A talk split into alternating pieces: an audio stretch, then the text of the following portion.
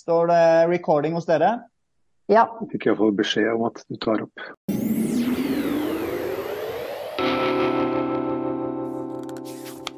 Kjære lytter, kjære bokvenn, medborger og medmenneske. Nå er det lenge siden jeg har sagt de ordene. Det er lenge siden vi har spilt inn eh, episode. Velkommen til denne episoden av Bladpodden. I dag skal det handle om filmmanus, TV-seriemanus og forskjeller og likheter på å skrive dette og f.eks. å skrive romaner. Vi har med oss to gjester i dag. Det er Hilde Susann Jektnes. Du, velkommen til deg for det første. Takk. Bare nevne til lytterne. Da. Jeg pleier jo ikke å nevne alt hva gjestene har skrevet, men bare nevne kort, for det er så, litt sånn ulike ting her. Du har skrevet en diktsamling, du har skrevet tre romaner, en lynprosasamling.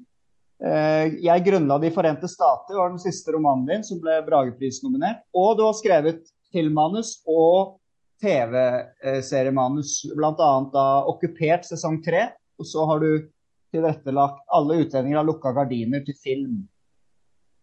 Så er det velkommen til deg, Kristoffer Grøndal. Takk for det. Du har skrevet i svært mange sjangre. Du har skrevet hørespill, du har skrevet skuespill, du har skrevet opera. Du skrev tre romaner, to krimromaner. Du har skrevet en reisefortelling fra Iran, og du har skrevet mange filmmanus, bl.a. 'Villmark', Nokas-filmen, og nå sist manus til 'Kampen om Narvik'.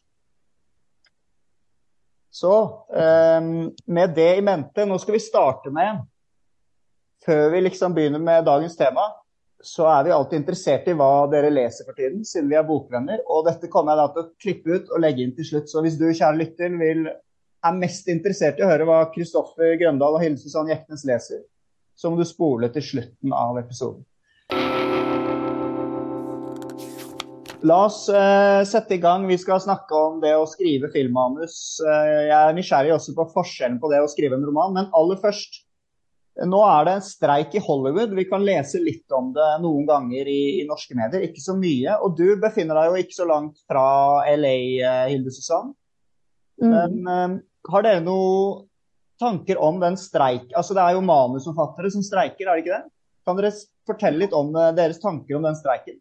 Ja, altså ja, Begynn du, ja, som er tett på kilden. Du, nei, nei, nei, du begynner. Du begynner. Okay. Du hadde en, ta en, tanke på tungen, så få den ut. Ja, det var bare mer eh, Det jeg har hørt og forstått, da, er jo at uh, altså, Vi står jo i en skvis som manusforfattere nå også økonomisk i Norge, fordi at eh, tradisjonelt sett så er inntekten, inntekten vår er knyttet til kinobesøk. Og primært kinobesøk i Norge så skjer jo det at det er store endringer i folks serievaner. Flere og flere dropper kinoen og går rett på strømmetjenester. Man har En husholdning har gjerne flere strømmetjenesteabonnementer. HBO, Netflix, Viaplay, Prime osv. Og dermed så er jo da inntektene våre som var knyttet til kinobesøket, marginalisert. Og vi er ikke kompensert for det som manusforfattere. Så vi får ikke noe for strømmingen overhodet. Et eksempel på det er jo uh, 'Kampen om Narvik'-filmen, som gikk veldig bra til nå å være på norske kinoer. Og som gikk enda bedre på Netflix, for den ble solgt samtidig så ble den sluppet av internasjonalt på Netflix og alle andre steder i Norge. Uh, og da, lå da på nummer én de to månedene etter at den ble sluppet, internasjonalt på Netflix. Så da hadde vi gleden av å være uh, blant verdens mest sette filmer. Men fordi at Netflix går jo inn og så kjøper de relativt billig ut eh, norske produksjoner. Eh, og så eh, er det et engangsbeløp, og så er det ingen royalty whatsoever som vi som har laget filmen får av dette. Så at det at Kampen om Narvik er sett i 4500 år sammenhengende strømmetid, hvis du tar alle strømminuttene og setter dem sammen. Og av det så kommer det ikke en krone royalty til, til de norske opphavshaverne. Så Det er en problemstilling. Det samme gjelder så vidt jeg har forstått det, i California eller i for Writers Guild, da, de som organiserer dramatikerne filmdramatikerne i USA. At det er endringer i inntektsmodellene som gjør at man får ikke den tilsvarende kompensasjonen. Og uh, I tillegg så og det tror jeg man kan se og sett de siste årene, det begynte vel rett før pandemien, kvaliteten på amerikanske store TV-serier raser. De blir så dårlige og så forutsigbare og så klisjéfylte. Uh, og dette er store dyreproduksjoner, Mandalorian for å nevne noen, som jo holdt oppe en stund. Uh, og det har å gjøre med at uh, studioene, så vidt jeg har forstått, skviser forfatterne, og at de har færre ressurser til skriverommene hvor de skal sitte og skape disse seriene. Det er færre forfattere som bidrar med idérikdommen sin, og det skal skje mye raskere. Så Det er mer for mindre, og det går utover kvaliteten. Og det går utover alle. Både de som skriver det, de som produserer det, skuespillerne, og til siste rekke da oss som skal vi si, historiekonsumenter. Vi merker jo det på kvaliteten. Jeg har barn som når det blir ordentlig ille, så, så sitter vi og ser på de tingene vi liker og sier nå kan du spole, pappa. Nå er det, dette er bare sprøyt, liksom. De fornemmer jo det, de også. Så, så, Det er vel noe av bakgrunnen for streiken, også knyttet til kompensasjon for strømmetjenester og ønsket om å skvise forfatterne og få dem til å skrive mer for mindre. Og, og, og den litt manglende evnen da i studiosystemet til å se at dette koster i syvende og sist. Og du leverer dårligere produkter, og da vender folk deg ryggen. Så har du sikkert noe å supplere der. Ja, nei, altså det som er et kjempeproblem, er jo at hele industrien drives av eh, kunstnernes drømmer om å slå igjennom, og at de er villige til å jobbe under helt elendige vilkår ganske lenge. fordi de tenker hvis jeg bare får en suksess, så vil jeg bli et navn, og da vil jeg kunne eh, tjene masse. Og så er det jo veldig mange, for jeg, jeg studerte jo, jeg eh, tok en master i film- og TV-manus i Los Angeles eh, i 2009. Og de fleste av de jeg gikk i klasse med som var rundt 30, ja, de har kanskje ikke helt eh, fått det til. Og så er det noen som jobber i bransjen. Men da er det gjerne som en andre eller tredje forfatter i et stort manusrom for f.eks. Eh, et TV-serie som handler om terriere, eller hunder. og så er det noen av de som kanskje En har endt opp med å bli showrunner for The Walking Dead. Men det er veldig få tall. Så de fleste vil bare fortsette å ta enten bare assistentjobber eller lavtlønnede juniormanusforfatterstillinger. Og det er rett og slett, og da kan de nesten ikke betale husleien engang, men de bare fortsetter og fortsetter, og får kanskje ikke barn engang, for det vil de ikke ha tid til. Og så blir det aldri noe av. Men det er den store Hollywood-drømmen som er bensinen i dette her. Uh, og det vet jo produsentene, så de Ingen uh, Altså i det industrialiserte land så ville jo ikke fabrikkarbeidere gått med på så dårlige vilkår som eh, kunstnere og manusforfattere gjør. Men så, som du da sier, så blir det til at eh, strømmetjenestene og studioene blir så grådige. De vil bare ha mest mulig innhold. Og, og, fordi de produserer det på den måten de gjør, så er det ikke anledning til å få nok kvalitetskontroll. og Da blir det dårlig, og så slutter folk å se på. Så det er en veldig dårlig sirkel. Så det er jo ikke holdbart. Og heller ikke det med at det er så mange strømmetjenester nå at eh, det er jo eh, abonnementsflukt. Fordi folk kan ikke ha fem, seks, syv strømmetjenester. De, da blir man veldig utålmodig. Så det, jeg syns det, det, er en veldig ustabil industri. Um, og det er vanskelig å se hvordan man skal komme ut av dette her. Det må jo i hvert fall produseres mindre, tenker jeg. Men da er det jo premissgiverne må gå med på å tjene veldig mye mindre penger. og så nei, det er en uh, kjempevanskelig skvis, og det, det, er veldig steile fronter. Det ser ut som det er ganske lite bevegelse i frontene så langt. Tror dere at streiken kan komme norske eller manusforfattere som jobber i Norge da, til gode? Hvis, hvis, de vinner fram på en eller annen måte? F.eks. med tanke på det med strøminntekter? Det kan vel du si noe om? Ja, kort svar på det er ja. For en, viss presedens legger det uh, på man, man, kikker jo på storebror og ser hvordan det er gjort der borte. Uh, så det er klart at Får man bedre forhold, så kan man med større tyngde si jo, men dette er de betingelsene som manusforfattere for Netflix i USA har. Vi får ikke de samme betingelsene fordi at er, vi er mindre på alle måter, men vi skal iallfall ha noe som tilsvarer. Og samme problemstilling som du nevner eh, med det at man som produsent av studio eh, ser at man kan bruke unge, håpefulle forfattere billig. Det ser vi jo i Norge også. Eh, mm. Man, man, er som manusforfatter litt en pariakaste. Mm.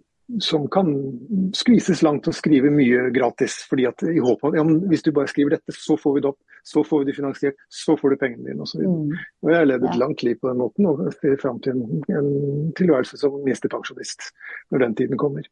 Uh, ja. Så det er ikke ja, Men det gjelder, jo, det gjelder jo også det å være skjønnlitterær forfatter. Det er jo det samme. Mm. Det er ingen av oss som, som i utgangspunktet er i dette for de store pengene. Uh, med mindre man slår igjennom som manusforfatter i Hollywood. Det, ja som du sier, de færreste i et kull på en filmskole som, som gjør. Ja. Men jeg, jeg så... Picasso ja. Ja, hva skal ja, si om Picasso. Det er klassisk, det har jeg sikkert hørt før. at uh, Picasso sier jeg hater å snakke med kunstnere, for de snakker bare om penger.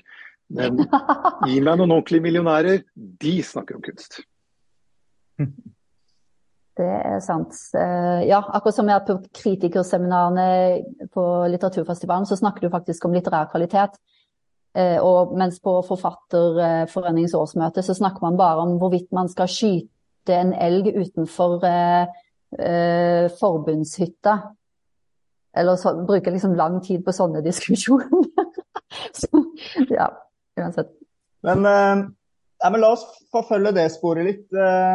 Eh, dere er jo også sant, forfattere, har litt sånn føtter i flere leire. Um, si, kan ikke dere si litt om det? Jeg tror det er mange som er nysgjerrige på det. Hva, hvis jeg kan stille spørsmålet så direkte, f.eks. du kan starte, Hilde. Hilde Susanne. Hva er de viktigste forskjellene på det å skrive en roman og å skrive et filmmanus, f.eks.? Eh, jeg kan jo bare si de tingene jeg lærte veldig tidlig i det manusstudiet i Los Angeles. Eh, rett og slett at når du skriver for film, spesielt film, kanskje ikke like mye TV nå, for da kan du pause og gå ut av rommet, men for film så fanger du et publikum i et kinosete og tvinger de til å sitte der og se på noe innhold i to timer. Eh, og da må du jo i kanskje større grad ha en slags motor, være med, eller være meddrivende, eller begge helst Sånn at eh, publikum ikke rett og slett forlater kinosalen. Men du må selvfølgelig fortsatt ha tematikk og karakterutvikling og dybde og alle disse tingene, men det må bare være i større grad noe som driver handlingen fremover eller beveger seg. Sånn at publikum ikke mister interessen. Um, nå er jo dette selvfølgelig alltid endring, og det går jo an å ha veldig dvelende, stemningsfulle filmer også, men de har kanskje et mindre publikum fortsatt. Mens i boka så kan du jo Du kan eh, bryte opp lineariteten. Du kan ha veldig mye mer uanstrengt tilbakeblikk, assosiasjoner, spekulasjoner, fantasier eh, inni karakterens hode. Som du ikke trenger å dramatisere eller eksternalisere. For når du skriver filmmanus, så kan du bare skrive det som enten ses eller høres. Det er veldig konkret. Eh, og, og, mindre intellektuelt. Hvis du skal være veldig intellektuell, så må det frem enten i en fortellerstemme, altså en voiceover, eller i selve dialogen på noe vis. Det, eh, det er mer fokus på følelser. Det er iallfall det som for meg er største forskjellen. Mm. Godt poeng. Jeg, jeg eh, jobbet med noen historiske prosjekter i det siste. Og både rundt krigen 40 eh, eh, og også en fortelling fra gruvesamfunnet i Sulitjelma i 1907-1907. Og en av de tingene du gjør, er jo å gå i møte med, med folk som bor nær de stedene dette skjedde, i Narvik og Sulitjelma ulike møter. og De er jo engasjert i fortellingene sine, de er opptatt av det, de er til stolte av de historiene som finnes der. Og så har vi da som filmfortellere og jeg som mannsforfatter et ansvar for å formidle uh, dette til et bredere publikum. Det er en oppgave jeg syns er veldig morsom. Men, men mm. det er også en veldig stor kontrast der. For de kommer jo å ha et eierskap og har ting som de mener er veldig viktige. Uh, min oppgave er på den annen side å sørge for å skrive et manus som selger mest mulig popkorn, som holder folk sittende i kinosetet i 90-120 minutter, og som får dem til å gå ut av kinosalen etterpå og tweete på sosiale medier og si 'denne må du se'. Det er min oppgave. Jeg har ikke noe ansvar. Eh, jeg kan påta meg et, et, si, et etisk ansvar for å formidle disse tingene, men til syvende og sist så koker det ned til kinotall, antall besøkende. Og kinoene i Norge de lever av selve popkorn og godteri. Det er ikke kinobilletten som sådan, men det er kiosken rundt som gjør at vi fortsatt har kinoer som ruller og går i Norge. Uh, når det gjelder romaner, jeg kan igjen bare snakke ut fra min egen erfaring, men også da som leser, er jo at, at uh, Cormac McCarthy gikk bort her nå i forgårs før vi tok opp dette. Um, han har den der kraften hvor du ser en roman som Den er en, en, en bevegelse, en, en, eller annen slags bølge som, hvor noe manifesterer seg. Og hvor du ikke trenger å uh, følge disse reglene for historiefortelling som vi er avhengig av for å selge billetter. Du kan på en måte la den Eh, den visjonen og den kraften i mye større grad manifestere seg i teksten enn det vi kan som manusforfattere, og særlig da sånn som jeg mye har vært, som oppdragsmanusforfatter. Jeg blir kontaktet av mennesker som har behov for å få fortalt en fortelling, og så er det min oppgave å få løse den. Så det er to helt forskjellige måter å være i verden på, to helt forskjellige måter mm. å skrive på, sånn som jeg opplever det. Mm. Ibsen sa jo ja, skal jeg ja. name-droppe? Ja, bare gjør ferdig den. Ja. Eh, Nei, Ibsen. Jeg vil høre om Ibsen. Ja, hver, hver, gang du har et sitat, så, så blir det nesten avbrutt. Få høre Ibsen. Ja, man føler seg alltid litt sånn Serverer noen klisjeer. Jeg tror det var da han skrev Peer Gynt. Da sa han noe i retning av at jeg, jeg roter så inderlig i min sjel. Altså Han går ned der og holder på, liksom. Og, ah, altså Vrenger opp og får det ut. Og Det kan du gjøre med et romanprosjekt. Da kan du holde dommedag over deg selv, sånn som Ibsen gjorde. Men, uh, også på skuespillere. Ja, men, men, ja, ikke sant, for det er jo et teaterstykke, eller vel lesestykke, skrev han det vel sånn? ja, dramatisk dikt. Men, men, er det ikke mm. litt samme Dette er jo før Hollywood, selvfølgelig, men det er vel han, Det skulle vel ha noe av den motoren som du snakket om i sted, Hilde også i en sånn teaterstykke på slutten av 1800-tallet? Skulle ikke det? Eller 1860-tallet var det kanskje til og med? Jo, en sånn følelse av en, eh, en, eh, økende dramatikk som leder mot et klimaks, det er jo Og det, det ser du ikke like fullt i Per Gynt, for det er jo mer en slags psykologisk vandring. En, eh, en slags oppsummering av et helt menneskeliv. Ehm, men eh, jeg tror også Ja, og de, de eh, hva skal jeg si, disse her kammerspillene han skrev, var jo ganske klassisk. De hadde en klassisk treakts- eller fireakts aristotelisk eh, struktur. Um, men en annen ting jeg kom på det med film og TV som vi lærte på skolen, det var at egentlig, når det koker ned til det, så består en film kanskje av fem til åtte sterke øyeblikk. Og så skal resten av filmen være en måte å bygge en struktur sånn at de øyeblikkene virkelig skinner.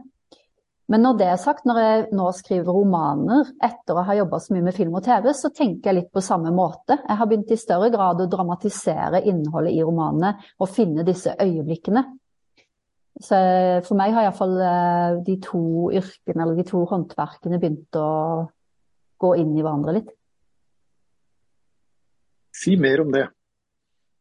Ja, altså, si noen konkrete erfaringer med, ja, ja, ja. En ting er det strukturmessig, men også skal vi til et skifte fra å skrive dramatikk for, for lerretet, og da begynne å grave i seg selv igjen på den måten. Eh, når man skriver filmmanus, eller de fleste av oss har vel et slags omriss først, en disposisjon eller treatment eller step outline eller noen av disse måtene å få fram historien på en kondensert form på, så man, begynner man å identifisere enkeltscener.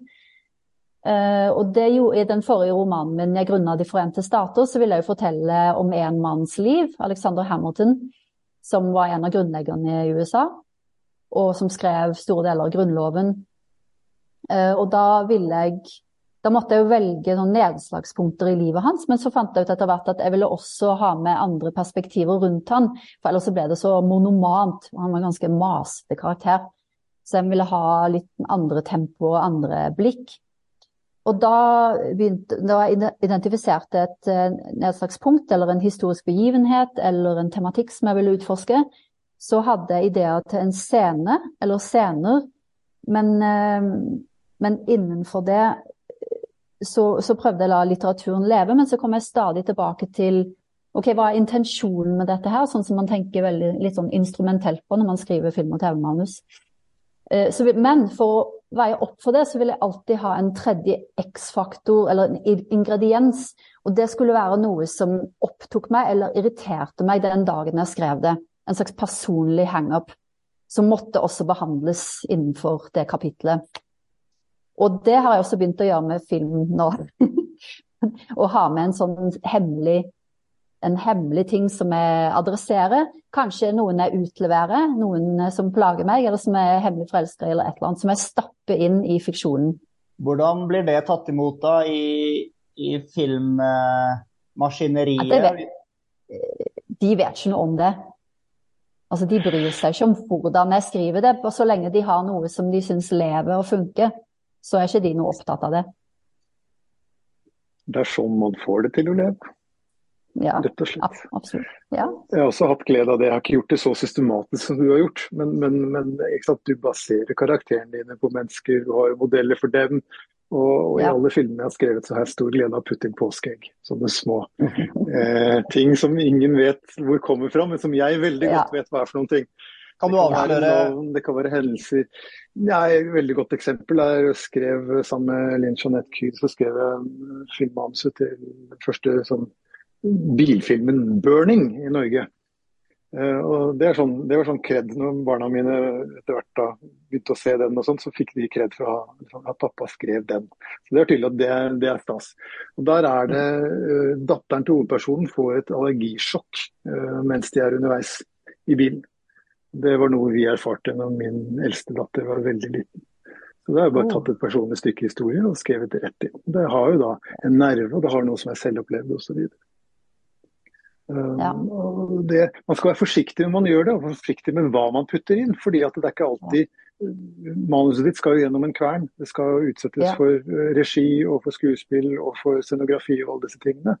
Um, og, og, de menneskene du møter på vei der, tilfører jo sitt talent og sin lesning av det du har skrevet. Mm. Uh, og dermed så er det jo ikke alltid det blir sånn som du har tenkt. Og kanskje ikke forvaltet på den måten du hadde håpet. Eh, og Det er jo et gjennomgående problem for dramatikere, og særlig da uh, filmdramatikere, som jo stort sett bare får én sjanse til å se en versjon av mm. teksten sin. Det er at Hvis ja. du blir for glad i ting, så blir du alltid, ja. alltid såra. Fordi at det blir ikke sånn når du har vært gjennom Nei. den kverna. Så man skal, man skal, være litt forsiktig med hva man putter inn, men, men, jeg er helt enig i at det å putte inn ting, det skaper mer liv og mer nerve i det du leverer. Ja. ja, fordi man kan miste litt gangsynet, og det kan bli ubalansert. Og hvis du da på en uproporsjonal måte begynner å forsvare disse tingene, uten at du kanskje avslører hvorfor det er viktig for deg, ja, så kan, det, så kan det bli rart. Og det er jo viktig å ikke miste tilliten til de som eh, har gitt deg det ansvaret. Så jeg er helt enig i det. Så jeg, jeg, bruker jo den uh, superkraften med, med, måte, men uh, det, iallfall å komme med forslag, så, så, kan det hende at det, kanskje ikke den anekdoten fungerte, men så kommer noen andre på noe bedre. Ja. Og da, ja, the best idea rises. Uh, det er jo også sånn TV-rom-mantra. Jeg jobba med noen damer fra Australia som både hadde jobba på Neighbors, men også hadde ganske mye erfaring fra BBC. Um, med å utvikle TV-serier. Og, og, de hadde, ja, de sa altså det spiller ingen rolle hvor ideen kom fra. Det kan komme fra hva skal jeg si, vaskepersonalet, det kan komme fra ja, sønnen din, fra bestemoren din. Men eh, liksom få de på bordet, og så ser vi hva som som kommer til topps. Det som er interessant, bare en assosiasjon til det. Uh, fordi at der har du også, bare for å ta sånn det grunnleggende, som vi var inne på nå, forskjellen på å skrive en roman og skrive en dramatisk tekst og et filmmanus, særlig da, er jo nettopp det at uh, romanen som leverer det ferdige produktet, og du har en redaktør du går i dialog med som kan mene ting om det du gjør, til syvende og sist så møter jo du leseren direkte med teksten din. Og Det kan være et mm. veldig intimt og veldig sterkt møte. og Det er derfor vi er glad i bøker. Det er fordi at det, uh, det oppstår et intimt rom hvor en mm. annen sjel i universet faktisk har berørt noe av de tingene som også rives til meg. ikke sant? Uh, fall det var derfor jeg som tenåring kastet meg over litteraturen. For å mm. finne uh, sjeler som var i, samme, uh, samme fortvilelse. Um, og nå mistet jeg selvfølgelig tråden med det jeg var i ferd med å si. Hva var det vi snakket om? Ideen, Den beste ideen overlever? Den beste ideen, ja. Nettopp. Ja. Og, og, det som jeg har begynt å gjøre, er da i skriverommet og i dialogen med regissøren. Og dette handler jo til syvende og sist om, for, nettopp fordi vi skal gjennom disse andre kunstnerne for å få produktet vårt opp, eller få fortellingen vår opp, så er det også avhengig av at de er om bord og eh, aksepterer det du leverer på teksten. Det klassiske Hollywood så sier de altså If it ain't on the page, it, ain't, it won't be on the screen. Har du ikke mm. skrevet i manuset, så kommer det ikke til å være på skjermen. Uh, ja. Men jeg har også sett erfaring da med å jobbe med ulike regissører, er at hvis det ikke er i hodet på regissøren, så kommer det ikke på mm. skjermen. Mm. Um, sånn at du er helt avhengig av, i hvert fall de prosessene jeg har hatt, i veldig stor grad da avhengig av at regissøren omfavner den visjonen jeg har for den scenen, for den karakteren, for den, den storylinen. Story ja. uh, og da vil jo denne type fortellinger da um, Jeg kan dele dem, være åpen med dem og si at jo, jeg opplevde dette. Eller jeg har en venn som mm. opplevde dette, og det er derfor jeg har puttet det inn i denne scenen. Eh, og så, Hvis du da har et godt skriverom, som du sier, de, beste ideene flyter til overflaten, eh, så kan noen komme med ja, men ok, hva om vi gjør det, eller jeg hørte om den, og så, så får du da en kreativ prosess rundt det. Eh, men noen ganger så blir det også stående fordi at din emosjonelle kobling til det stoffet er sterk nok til at du får et gjennomslag hele veien ut i produksjonslinjen. Vil du svare noe på det, Hilde? Ja, jeg manusforfatterens største fortvilelse når vi selv har noe vi er overbevist om at er verdens beste idé, eller en bra karaktertrekk, eller en plot-twist. Og så merker man f.eks. kanskje regissøren er med, produsenten er ikke med, og kanskje en eller annen tidligere manusforfatter som er fortsatt konsulent på prosjektet, kjemper imot. Og så eh, blir det nesten sånn politikk eller lobbyvirksomhet. Jeg har nylig erfaring med det, men uh, ja, det er en TV-serie det ikke blir noe av allikevel. Men da kjemper jeg blodhardt for noe som jeg bare mente var genialt. Og så skulle jeg jo bare tatt det på alvor at eh, eh selv om regissøren og jeg hadde sånn litt sånn elitær eh, enighet om dette lenge, så kom jo til slutt disse andre motstemmene med kraft, og så slo de det ned på slutt. Så eh, det, det er noe med å Det er jo en modningsprosess kanskje å forstå hvilke ideer som har livets rett. Men så kan det jo også være at noe som en regissør, en idé en regissør har hata i begynnelsen, så kommer regissøren selv tilbake til ideen senere i prosessen. Og da må man jo også være åpen for å gjenoppta sin egen kasserte idé, og uten bitterhet og hovmod. Bare nikker og sier at det var en interessant idé, det skal jeg utforske. Ja, ikke sant. Ja, som, om det, som, om det, var regissørens nye idé. Der, yes. ja, det, yes. det, har jeg, det, har jeg, også gjort. For jeg tenkte så lenge den ideen blir noe av, så er det greit. Det gjør ingenting. Du sier uh, uten bitterhet og uten hovmod. Er det liksom Det er sånn uh, Hva skal man si en, uh, Man blir lutret. Som sjelen blir liksom renset ved å skrive filmmanus. Ja, man, man, blir som en slags selvoppofrende munk eller nonne i kunstens tjeneste. Tja, eller Det er jo det med kampen med og mot sitt eget ego. Og ja, Nei, det, det, kan være ganske tøft. Men så lenge man fortsatt klarer å holde engasjementet oppe, så må man jo prøve å bare skyve til side all den kivingen og prestisjekampene, og fokusere på resultatet. Det er, um, manusforfatteri det er for mennesker som har en, en masochistisk streng som liker å straffe seg selv. Det er det ingen tvil om. Jeg, ja, helt. Jeg ser jo, Hvis jeg ser tilbake på det som nå er 25 år pluss virke som forfatter, så ser jeg at mm, jeg står midt imellom det å, å være romanforfatter og det å være filmforfatter. Jeg er akkurat ikke sta og sær og gæren nok til å bli en ordentlig god manusforfatter. Og jeg er heller ikke ydmyk og masochistisk nok til å bli en ordentlig god manusforfatter. Romanforfatter, manusforfatter. Ja. Ja, ja. Det, er, og det er ikke noe tvil om at, at en av de, den skolen jeg har gått i som manusforfatter, det er å aldri, aldri investere deg for mye i noe som helst. Mm. Uh, fordi at, uh, som kollega Eskil Vogt sier, som har hatt gleden av å bli Oscar-nominert, uh, han sier at de ideene som folk, når de har lest manuset ditt, angriper først, det er dine mest originale ideer. Mm. Den første feedbacken du får, det første folk vil sable ned, det vet du. Der, der var jeg i berøring med noe. Mm. Og så er det opp til deg, da vil du ta den kampen, eller du sier OK, fine. Jeg lar det være. Og det, og det ja, jeg har, De kollegaene i Norge da, som du ser har fått produsert mye, de har flere kvaliteter. Det ene er at de skriver som noen sånne Duracell-kaniner, for de som husker de der reklamene i ett vanvittig kjør. Og det andre er denne evnen til å si OK, da går vi videre. Da ble det sånn, og da får dere gjøre det på deres måte. Supert, ikke noe problem. Jeg hjelper dere så godt jeg kan, og så går jeg videre på neste prosjekt.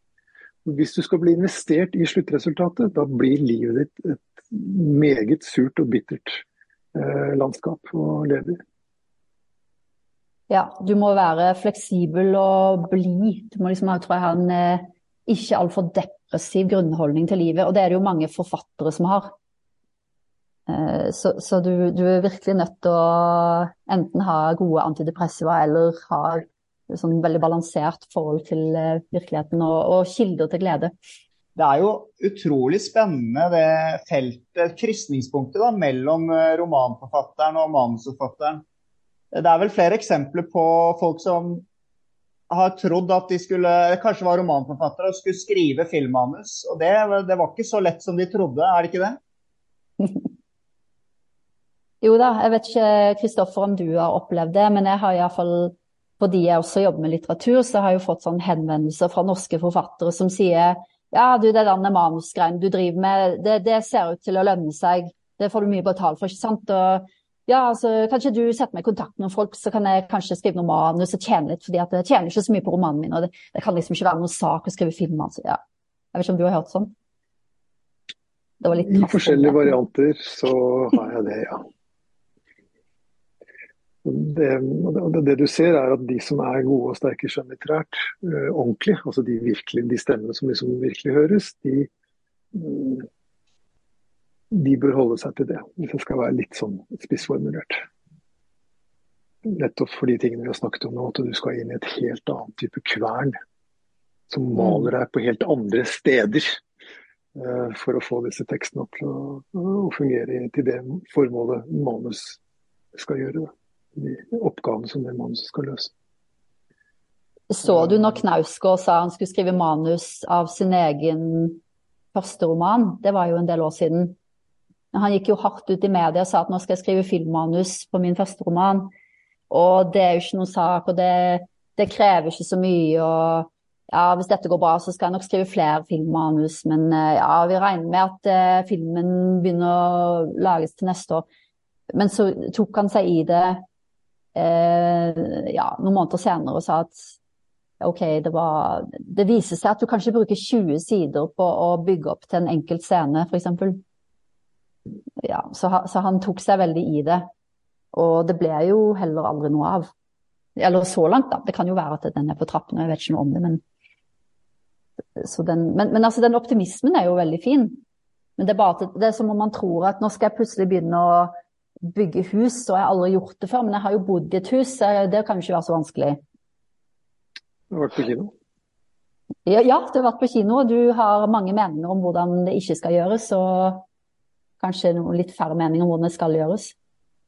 Men hvis vi snur litt på det her, syns dere flere romanforfattere bør bruke litt mer tid på dramaturgi og, og denne motoren, at karakterene vil noe? Eh, skrive fram scener som trekker historien i en retning sånn? Som, som man kjenner fra liksom, filmmanusarbeidet? Syns du det, Jonas? eh, skal jeg svare først? Vet du, kanskje jeg, skal... jeg syns kanskje ikke nødvendigvis det. Altså, det er gøy at noen gjør det, men uh, vi, vi, har liksom behov for mange ulike typer bøker. Og noen bøker kan jo være sånn. Og det er kjempegøy med spenningslitteratur og det å kjenne at du, har, du lurer på hva som skjer på neste side. Og da kan det være den type mekanismer. Eh, min favorittforfatter kanskje er jo Kafka. Og Han har jo aldri vært på noe sånn kurs med Robert McKee, eller noe sånt, men han er jo utrolig god på å skrive sånne scener hvor man bare eh, statusskifter, og man kan garantert analysere ham med de verktøyene man har fra manusforfatterskolene. Men, eh, men så er det også gøy med annen type litteratur, hvor det bare sklir helt ut. Så hvis jeg skal svare på mitt eget spørsmål, nei. Det er greit sånn som det er. Hva syns dere?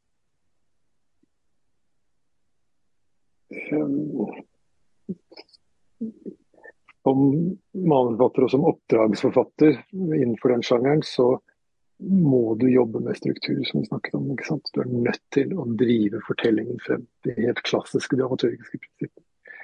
Da er det jo trist hvis når man skaper et rom i sitt liv, både økonomisk og tidsmessig, for å få lov å slippe seg inn i en romanverden, at du da skal bli ridd av de samme demonene. det, det er faktisk Det skjønner jeg. Så får du det mm. samme liksom, motoren ja, som du selv vi bruker timevis til å fininnstille, og så kommer det i romanform òg. Men så får du ikke pengene du får som manusforfatter, så er det lose-lose. Ja. Eh, men jeg syns det egentlig skal være Kanskje hvis man først skal bruke, nei, hvis man skal bruke dramaturgi i romaner, så må man virkelig kompensere ved å ha enda bedre språk og enda dypere karakterskildringer. Og ikke bare ha halvveis, sånn at du har et halvveis spennende plott som har noen sånn obligatoriske vendinger og overraskelser. Men så har du også grunne karaktertegninger. For du tenker nå har jeg plott, så jeg trenger ikke ha så mye karakter. Det syns jeg er det verste. Du, da får du en veldig blekt produkt. Men jeg, jeg, leste faktisk ganske nylig igjen 'Brødrene Løvehjerte' av Astrid Lindgren. Som jeg har ekstremt eh, gode minner om fra da jeg først begynte å lese ordentlig. Og da oppdaget jeg at første halvdel av boka er nydelig skrevet, kjempespennende, gjør alt rett. Men andre halvdel av boka er litt sånn slurvete skrevet, og det er mest for å bli ferdig med plottet. For da har hun tydeligvis tenkt ut alt som skal skje. Men så slutter hun å investere i enkeltøyeblikk og sanseopplevelser og følelser. Så da blir det mer sånn ja, det blir en slags plottmaskin eh, frem til helt på slutten, der du får dette her eh, dobbelt selv, eh, selvmordet, eller hva skal jeg si, for å komme til Nangilima. Men, eh, men da var jeg litt skuffa, for jeg lurte på hvorfor investerte jo ikke like mye i andre halvdelen. Og som manusforfatter skulle jeg iallfall sagt det er jo der de store der risikoen kommer for at det skal bli dårlig, fordi du vil bare komme i havn med en maskin du har bygga. Da, da du virkelig må inn og uh, legge til enda mer fordypning eller enda mer dybde og, og, genialitet, eller hva jeg skal si, på en litt sånn flåsete måte. Hun var ung og trengte penga. Måtte bli ferdig for levert, så hun fikk casha inn og betalt. Ja. Hun måtte um, Ja. ja det, jeg kjenner jo ikke forholdet rundt den romanen, men det er ikke utenkelig at sånne ting skjer i et kunstnerliv, om det aldri så briljant som, som hennes, f.eks. Det jeg tror, hvis du går tilbake og ser på de romanene som har blitt stående gjennom historien, så tror jeg de på et eller annet vis øh, forholder seg til en grunnstruktur, en arketypisk grunnstruktur. Som ofte når vi jobber med filmdramaturgi, så handler det om reisen fra et ego til et selv. ikke sant? Fra et, et mm. menneske som i begrenset grad er bevisst sin plass i universet. Uh, og som på et vis har en slags ja, form for selvopptatthet og begrenset utsyn. Og så går vedkommende gjennom en prosess og ender opp da som et selv, et mer integrert menneske, med en større bevissthet rundt sin plass eh, i, i, universet og sin rolle i historien. Da. Det kan sies på mange måter og fortelles i mange skalaer. Det kan jo være fortellingen om en, eh, en terrier, for den sakens skyld, som gjennomgår den prosessen. Eller det kan være en skapning i det ytre rom, eller det kan være hva det nå er. Men at, at arketypisk så ligger dette som en bue. Og jeg mener at det ligger til grunn også i absolutt alle forløste romanprosjekter, på en eller annen måte. Når vi ser bort fra øh, romaner som bare som gjør ting med deg, så tar deg et helt annet sted, og som ikke har den skal vi si, en hovedperson går gjennom et handlingsforløp. Uh, Borges f.eks. Vi har mange eksempler på, på, på det. Men jeg, jeg, tror vi intuitivt som mennesker leter etter noen sånne grunnsteiner fordi at vi også bruker det som en form for eksistensiell orientering når vi konsumerer historier. Og, og, jeg tror også det når du ser en film som du har glemt dagen etter, så er det fordi at den ikke har maktet å røre ved disse grunnsteinene. Mens mm. når du dagen etter våkner, og så er filmen et eller annet sted i tankene dine, så er det nettopp fordi den har maktet å gå dialog med noe i deg eh, som har med dette mer eksistensielle grunntematikken å gjøre. Helt Dette er lov selvfølgelig å være hjertens uenig ja. Nei, jeg er enig, men jeg tror at det også ligger mye sånn eksistensiell ønsketenkning til grunn for dette. Fordi jeg tror at de fleste mennesker eh, lever i en sånn sakte nedadgående kurve der vi blir mer og mer eh, fastlåst i våre egne dårlige mønstre og blir mer og mer selvopptatt. Og til slutt så går vi til grunne av sykdom og galskap og hva som helst. Mens vi ønsker å tro at det skal være en, eh, en, en, et mål og en mening med tilværelsen, og at vi skal lære noe, vi skal bli visere, eh, gode eller bedre mennesker. Um, og at det, til syvende og sist så skal det ha, hvis du ser tilbake, så skal det være en slags uh, en grunn til at vi har levd, og noe vi har oppnådd. Uh, og, og jeg tror det er derfor Det er jo en slags religion, denne formen for historiefortelling. Eh, så, og jeg tror, eller jeg vil jo være optimistisk som menneske, og jeg ønsker jo at det skal gå bra med alle de jeg er glad i, men jeg ser jo liksom ofte litt det motsatte. Så det er jo noe jeg har tenkt selv, men jeg, eh, derfor ønsker jeg som historieforteller å ha med kanskje begge, både den optimistiske og pessimistiske ja, grunnholdningen til livet, da. Ja, men det de begge, forutsetter de, da ja, unnskyld. Ja. Nei, nei, jeg var ferdig. Nei, jeg, bare, dette er, jeg synes dette er veldig spennende, fordi det berører også skal vi si, en, en del brytninger i samtiden som, som, jeg er litt opptatt av, og som jeg merker mm, spiller mye inn på, på fortellinger. Uh, og det ja. første så er jo det at skal du dø lykkelig og forløst, ja det, men som du sier, det er ikke alle forunt. Og sånn at Det å forvente at du skal leve et liv uten nederlag, uten motstand, uten å gjøre feil, uten å ha det forferdelig, det, hvor den fantasien kommer fra, det vet jeg ikke, men den er jo godt solgt av reklamebransjer. Og, og, forestillingen om det, det, det, rene livet, det gode livet, den er jo ikke reell. ikke sant? Sånn at, I en, en, tid med sosiale medier, dette er en klisjé, men jeg sier det likevel, så er det klart at spriket mellom den fasaden du opprettholder og det som er ditt virkelige liv, eh, kan bli stort. Og det hjelper deg ikke til å takle de tingene som kommer. Sykdom, død, tap, mista evner, mista de menneskene du er glad i. Alle disse tingene som jo er en del av et liv. Og det er jo det tilbake til da, det som snakket om disse, mine erfaringer med, med litteratur i tenårene, er nettopp det at, at tekstene snakker til det andre. Det er litt underliggende. Det som er en, en dypere eksistensiell lengsel til å forstå sin plass i en større sammenheng. Til, til å forstå, ja. Eh, og dermed også evne å forsone seg med det livsløpet. Uh, og, og, der er det, i mitt perspektiv, da, så er, er, vi litt som historieforteller også som samtidig litt forblindet av et postmodernistisk perspektiv som sier at det fins ikke noe før etter livet og etter livet. Og alt du gjør i livet, det er like godt som noe annet. Uh, mens jeg er da mer tilhenger av skal vi si, knappestøpeperspektivet, som sier at, at det, er, uh, det fins en mening, det er en mesters mening, som du er ment å skulle uh, forfylle.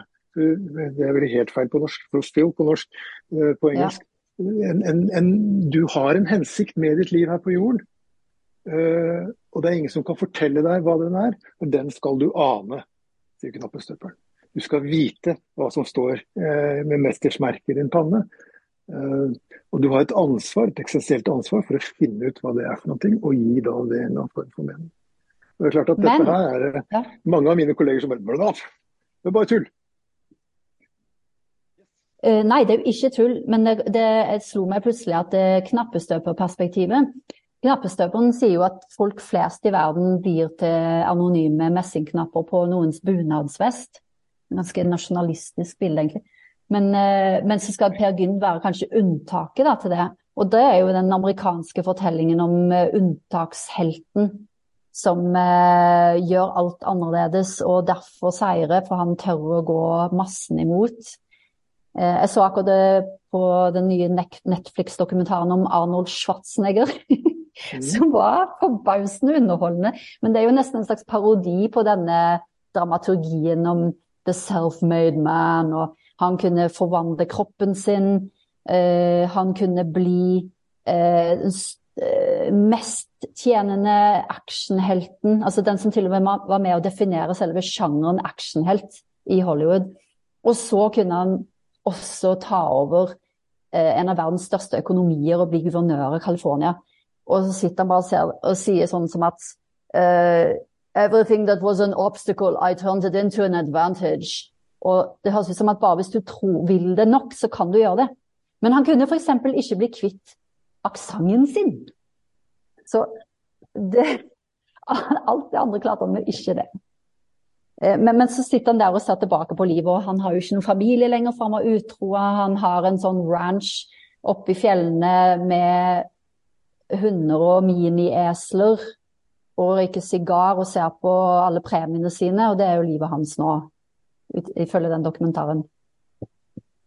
Og livet til mange av oss når vi kommer over i, i pensjonsalder og skal ja. legge inn årene. Da er det det vi har igjen. Vi har minnene og det vi skapte og det vi fikk til. og Det var ikke alt vi drømte om, men det ble da noe. Jo, men han fikk alt han drømte om, men allikevel var det ikke nok? Nei, det vil det jo ikke være. Hvis du er skal vi si, uforløst på et dypere plan. Men, men uh, han var jo eh, en blinkende knapp på verdensvesten, må man kunne påstå. Ja, det var han jo. Han var jo veldig søt. er det, det, er Heroes Journey vi snakker om nå, er det ikke det?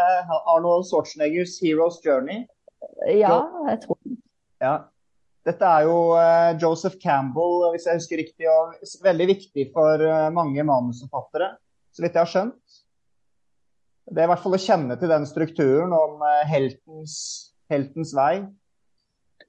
Det gjør det jo lettere å fortelle en historie som gir den dypere klangen som du er interessert i. Og, og uh, ser jo Jeg har jo snakka om, en konkret erfaring. da. Jeg skrev en film om et bankran i Stavanger tidlig 2000-tallet. Uh, en sånn pengesentral, Nokas. Og, og der, den, den, er en multiplotter. og Den følger på en måte både skurkene, politiet, de som er ansatte i banken osv. Den har ikke noen klar hovedperson. Den har ikke den arketypiske reisen jeg snakker om. så Det er jo fullt mulig å lage fortellinger som fraviker disse dramaturgiske modellene. Men det jeg gjorde der, igjen for å bare på en måte ha logikken i mitt eget hode, det var at jeg gjorde ranet til hovedpersonen. Mm. Den dramaturgiske strukturen i den filmen følger eh, det som jeg bruker som en åttesekvenser, en, en treaktstruktur. Eh, men da må du lese det som det er ranet hovedpersonen. Mm. Og hva er ranets want, hva er ranets dramaturgiske vilje? Jo, det er å bli til. Å manifestere seg selv. Og Da fikk jeg til å gå opp i mine, mine, si, mine regneøksmodeller, og sånn at jeg hadde da en, eh, kunne jobbe med de verktøyene som, som er tilgjengelige for oss. Så ranet brukte på en måte, i, i det perspektivet, da, brukte menneskene for å realisere seg selv på en måte? Og bli Ja. Yes. Hmm. Det var, det var den bakenforliggende tanken der. Det syns jeg var helt genialt, og det fungerte kjempebra. fordi da så du alle disse små aktørenes eh, hverdagslige liv ble ladet med betydning, for vi visste hvor de skulle hen. Men da, nettopp da kunne du gå inn i de troverdige nyansene i virkelig menneskeliv. Litt sånn som i den filmen United 74, eh, eller ja, det, det flyet eh, Et av de flyene som var med i terrorangrepet eh, 11.9.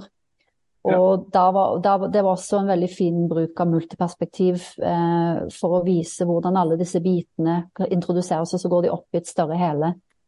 Så, men jeg syns Nokas var helt fenomenal. Jeg husker jeg så Nokas på kino med en venn av meg, og vi hadde jo lest dette. Vi visste jo hvordan det kom til å gå, men vi satt der, og så snudde han seg til meg. Det var vel rett før ranet skulle skje, og bare Dette er spennende.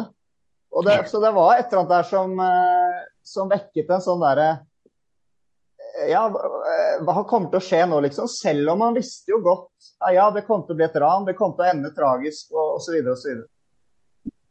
Så... Det er jo det er noen si det er også en glede å jobbe med den type historisk materiale, eller virkelighetsmateriale.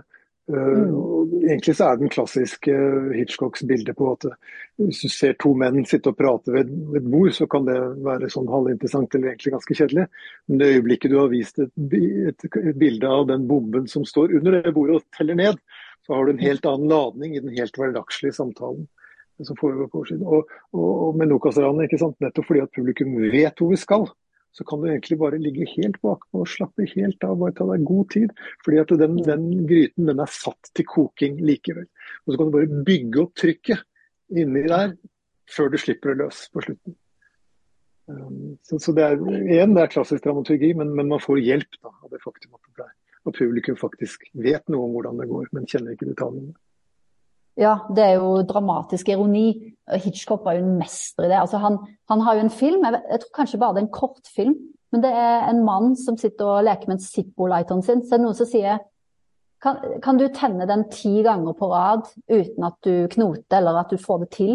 Han bare ja, ja. Han sier OK, men uh, La oss, la oss si det sånn at uh, du gjør det, og hvis du bommer en gang, så kutter den ene fingeren din.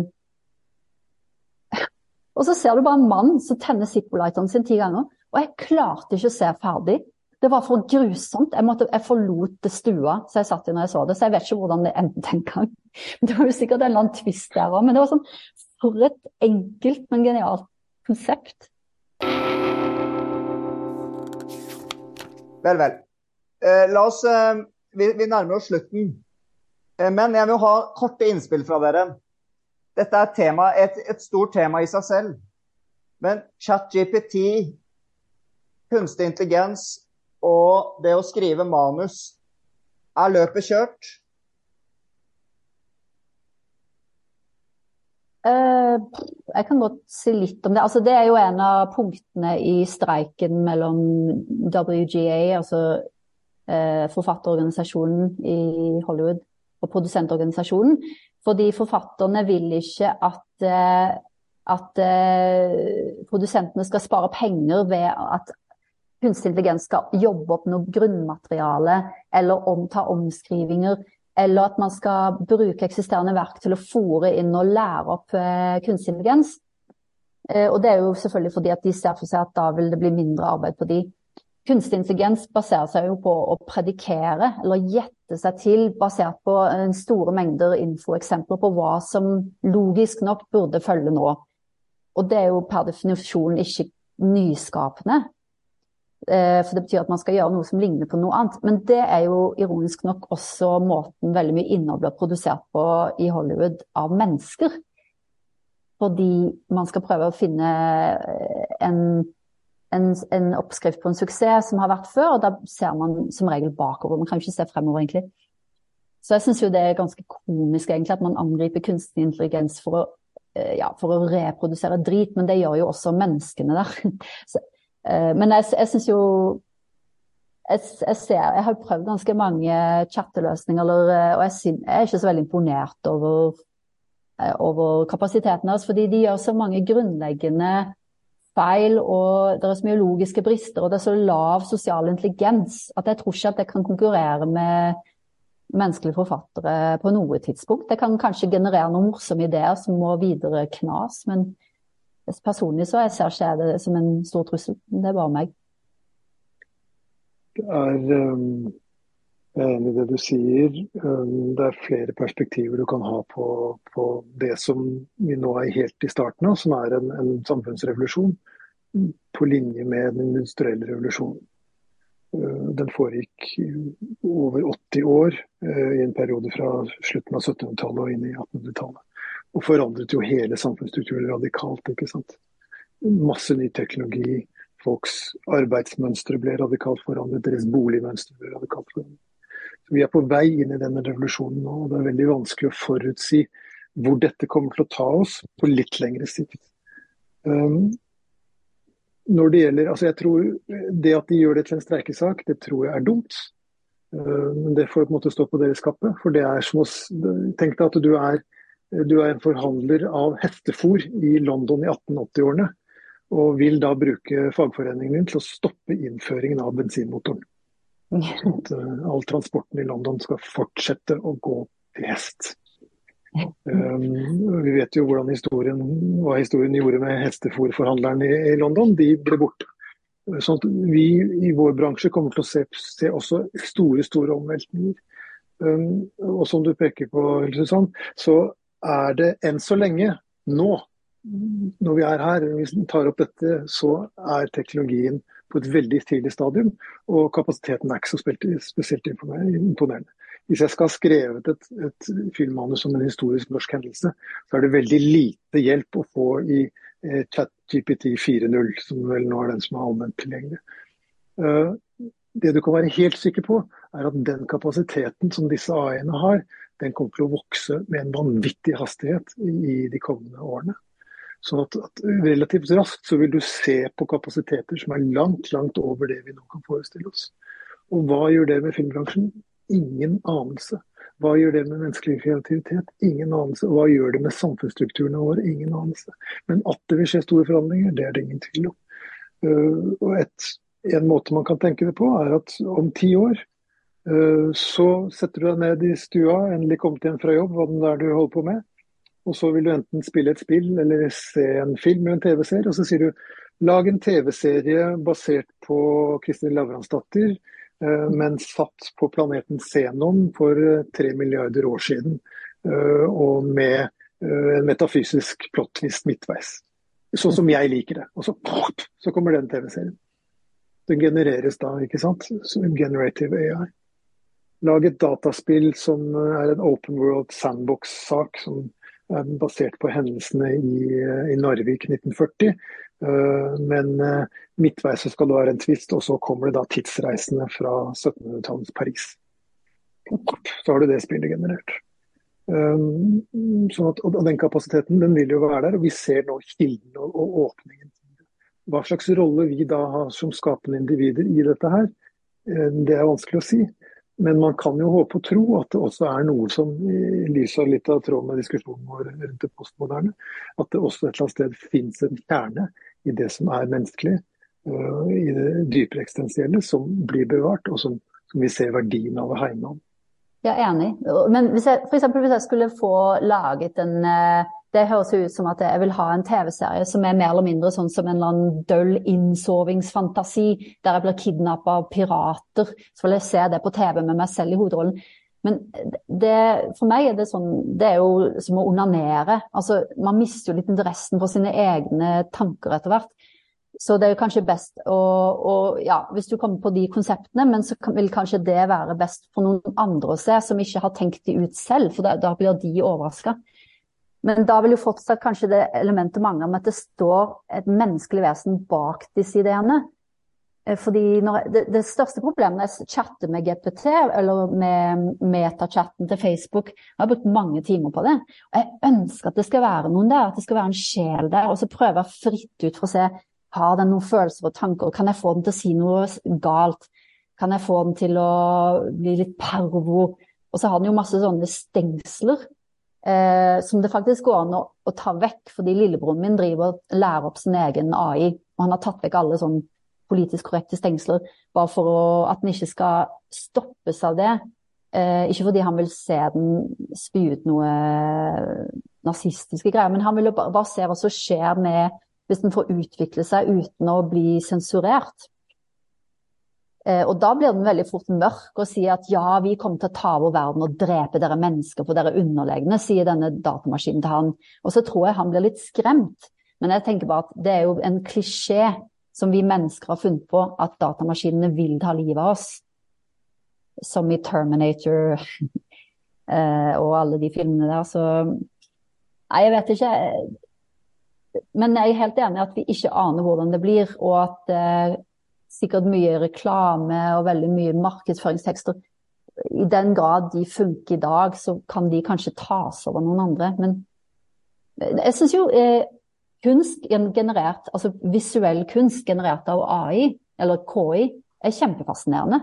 Da kommer du inn i en sånn surrealistiske eh, hybridvesener med interessante forvrengninger. Det syns jeg er bra kunst for de som er glad i hallusinogener. Ja. ja. Nei, jeg tror igjen, som du peker på, lengten etter at det skal være en sjel på andre siden. Et individ mm. som har en, en, en, historie, som har en posisjon i verden, som har en eller annen erfaring som du kan relatere deg til, og som kjenner da, den samme smerten som du gjør.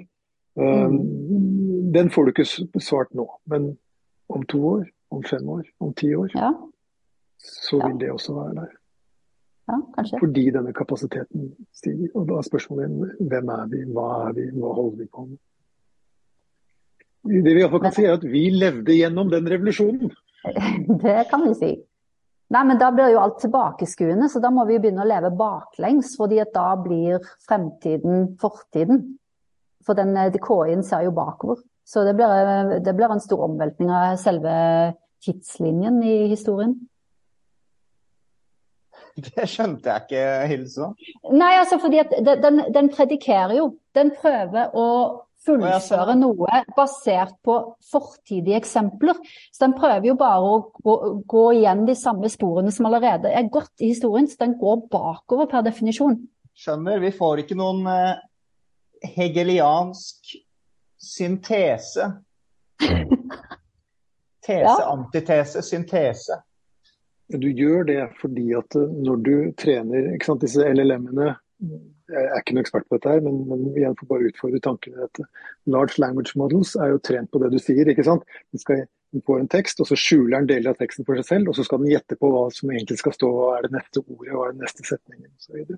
Den trener seg på den måten der. Og Samtidig da så er det eh, disse språkmodellene kjører på datamodeller som på litt sånn forenklet vis mimikker, altså etterligner de nevrologiske modellene som hjernen, menneskehjernen har.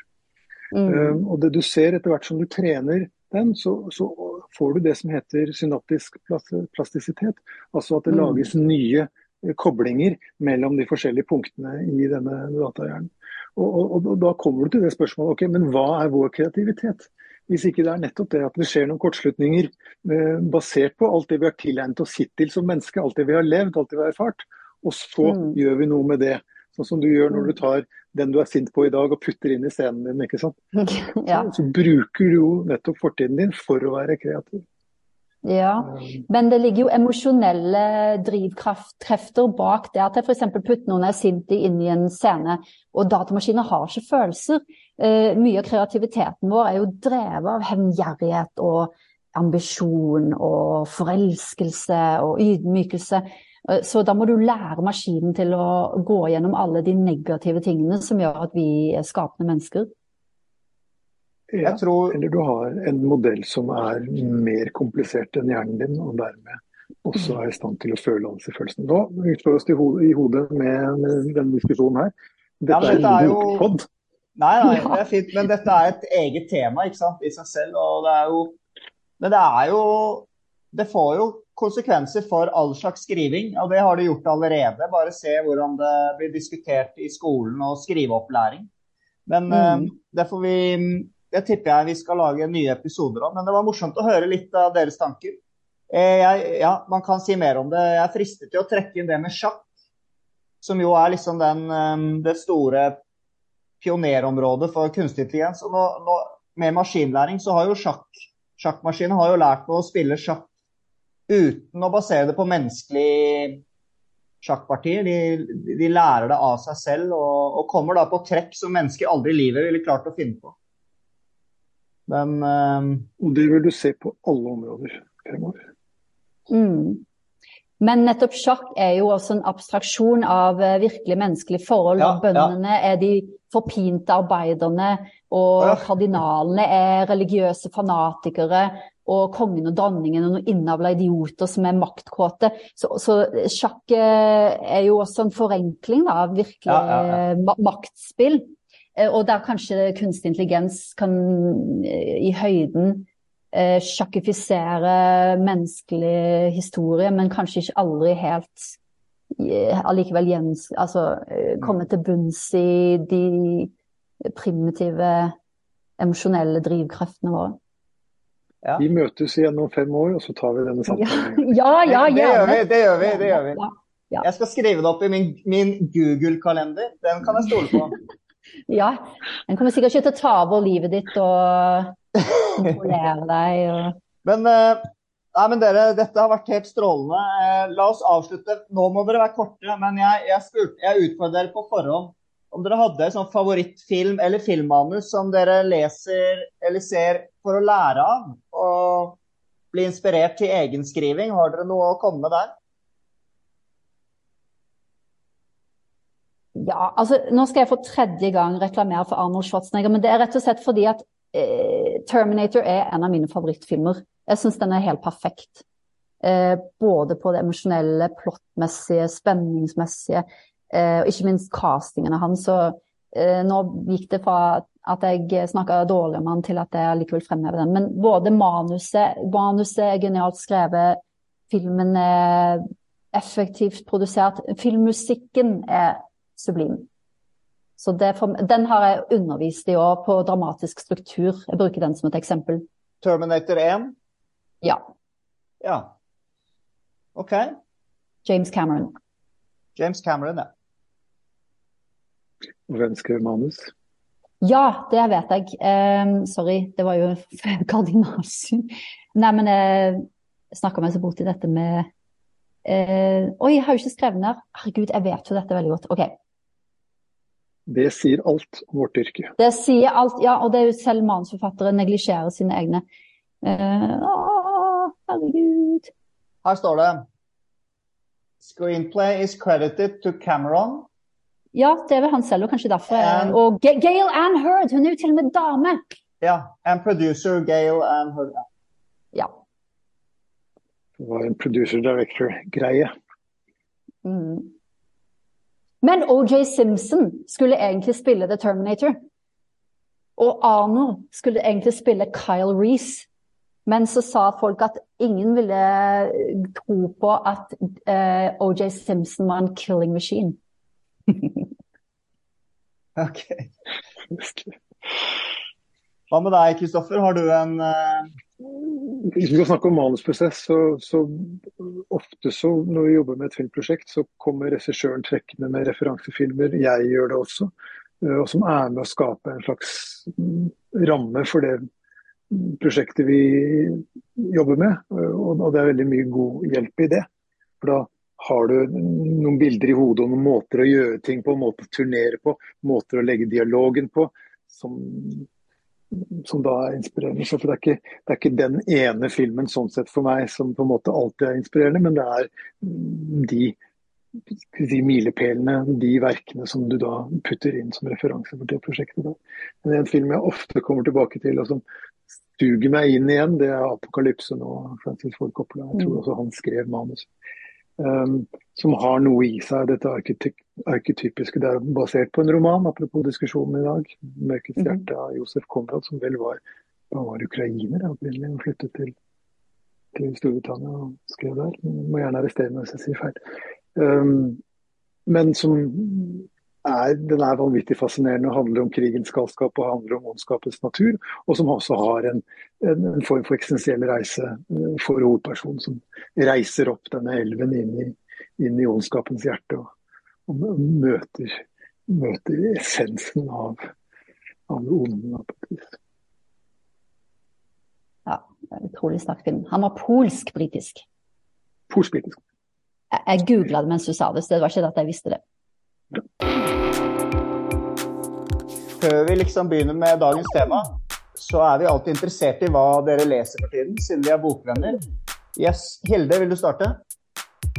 Ja, jeg har da endelig lest Kristin Lavransdatter, eller første bok, 'Kransen'. Det er jo en skandale at jeg ikke har lest den før, men det var rett og slett fordi at når jeg så filmatiseringen av Liv Ullmann, så syns jeg den var nydelig, men nokså søvndyssende.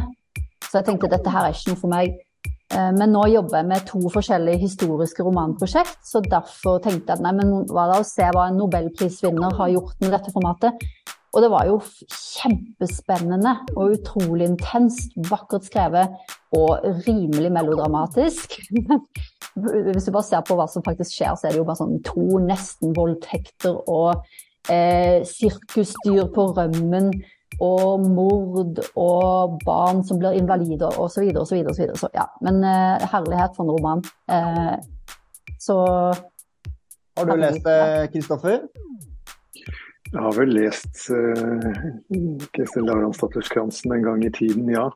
ja. Um, har, uh, min far har et sted oppe i, oppe i Gudbrandsdalen. og da ble det laget en film for 20-30 år siden hvor de var og spilte inn bl.a. på Sel. Så nå er jeg litt i utkanten av, den produksjonen og ble litt kjent med utfordringene med hvordan man hvordan lage et historisk drama i, ja, ja, ja. Skal vi se, jeg lurer på om det var hun Elisabeth Matheson, tror jeg hun het, hun som spilte, spilte Kristin der. Det er vel sånn materiale som er sånn evig aktuelt for teater og film, og det liksom alltid blir løftet på nytt. Det blir sikkert nye innspillinger av det materialet, tror du ikke det? Jo. Er TV-serien ja, TV-serien burde jo komme, egentlig, for det er jo såpass eh, stort. Eller stor fortelling. Det de gjør i dag. Eh, Problemstillingene den gangen for å lage den filmen var jo at du trenger å kunne eh, skyte, som det heter, og ta opp bilder i 360 grader rundt. og Da er det jo vanskelig å finne steder i Gudbrandsdalen hvor du kan ha du har klassiske bygdetun fra 1700-tallet, men så er det alltid en eller annen telefonlinje eller en bilvei eller et eller annet. I våre dager så begynner man jo nå mer og mer med det som heter sånne LED-scener, hvor det er skjermer 360 grader rundt eh, i studio. Mm. Og så har du laget dekoren eh, som bilder. Og det er der, sånn at de, når skuespillerne kommer på settet, så er det som om det er det lyset som skulle ha vært i virkeligheten. Men ja. uh, bare juks. Det, Altså det gjør jo noe med Ja, det kan man også. Det, altså, ja, du kunne jo da skutt en fotoboble da, på, på Sel i Gudbrandsdalen i, i de forskjellige eh, lysene som du skal ha, og så bruke da det som en Så vil jo trærne blåse i vinden, og så får du da editere ut de tingene som ikke passer. Så det er en måte å løse det på i dag. Men det gir en litt sånn plastikkfølelse. Det gjør dessverre det. Det er sånn som i gamle dager da de satt og kjørte bil. Ja, sånn ja, ja. og så bak. liksom, Jeg ja, har snakket masse. Så det er litt den følelsen der. Den serien som heter The Mandalorian, som er en spin-off av Star Wars-universet, den er spilt inn i veldig stor grad på, på sånn Ah, scene. Så det var et lite sprang inn i det filmtekniske. ja, ja, Apropos Ja. Kristin Lagandsdatter. ja. Så det er bare poenget da, at ikke sant, skulle de laget en TV-serie nå, så hadde de antageligvis Ja, delvis brukt et sånt sett for å få de settingene. nettopp. nettopp. Mm, mm. Hva leser du for tiden, Kristoffer? Akkurat nå på nattbordet så ligger en bok av kollega Per Skreiner, som er manusforfatter, og også har nå begynt å utgi ganske sånn taktfast én bok i året.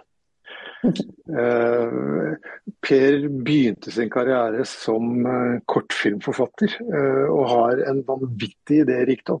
Har en helt utømmelig, utømmelig kilde av, av gode, kreative ideer som blir morsomme ting. Eh, og den boka som er nå som er samling for, fortellingen, heter 'Fra sikre kilder'. Det er et slags portrett av, av menneskelivet med fotnoter, og da veldig sånn nøye. da, Kildene er gode liksom for hvordan du skal leve livet. Det er festlig. Forrige boka som jeg leste av han, heter eh, 'Welbecks hytte'. Som handler om den franske forfatteren Welbeck som uh, gifter seg med en eh, norsk uh, sykepleier, og får da tilgang på en hytte et eller annet sted på Vestlandet. Så er det liksom sett gjennom øynene til to av de andre som har hytte i det området der. Den lille fortellingen om Welbeck som kommer til Norge og egentlig liker ganske godt dette her med hytte, og er egentlig en ganske likende fyr. Det var veldig morsomt. Det er også en av Besserters beste bøker, syns jeg. Han eh, Men den siste fikk kjempebra, den siste fikk kjempebra anmeldelse et eller annet sted, så jeg akkurat, sorry. Ja, Per er jo like frustrert som mange i litteraturbransjen for tiden av at eh, man blir jo nesten ikke anmeldt og lest. og Det er som om måte, den offentlige samtalen rundt, rundt bøker har bare dødd ut. fordi at eh, ja, det skjer jo ting i vår konsumenthastighet og vår attention span. Eh, Men, så det er veldig hyggelig når han da blir lest og blir anerkjent for det, for det han gjør. Veldig artig ting. Han er jo da i den eksklusive klubben som dere også er i, eh, roman og film. Det er ganske imponerende å skrive én i året, da. Av romanen. Ja, i, tillegg til TV-serier og film, Ja. som man også gjør. Så det, er store barn, så da er det mer tid på Ja. foran PC-en.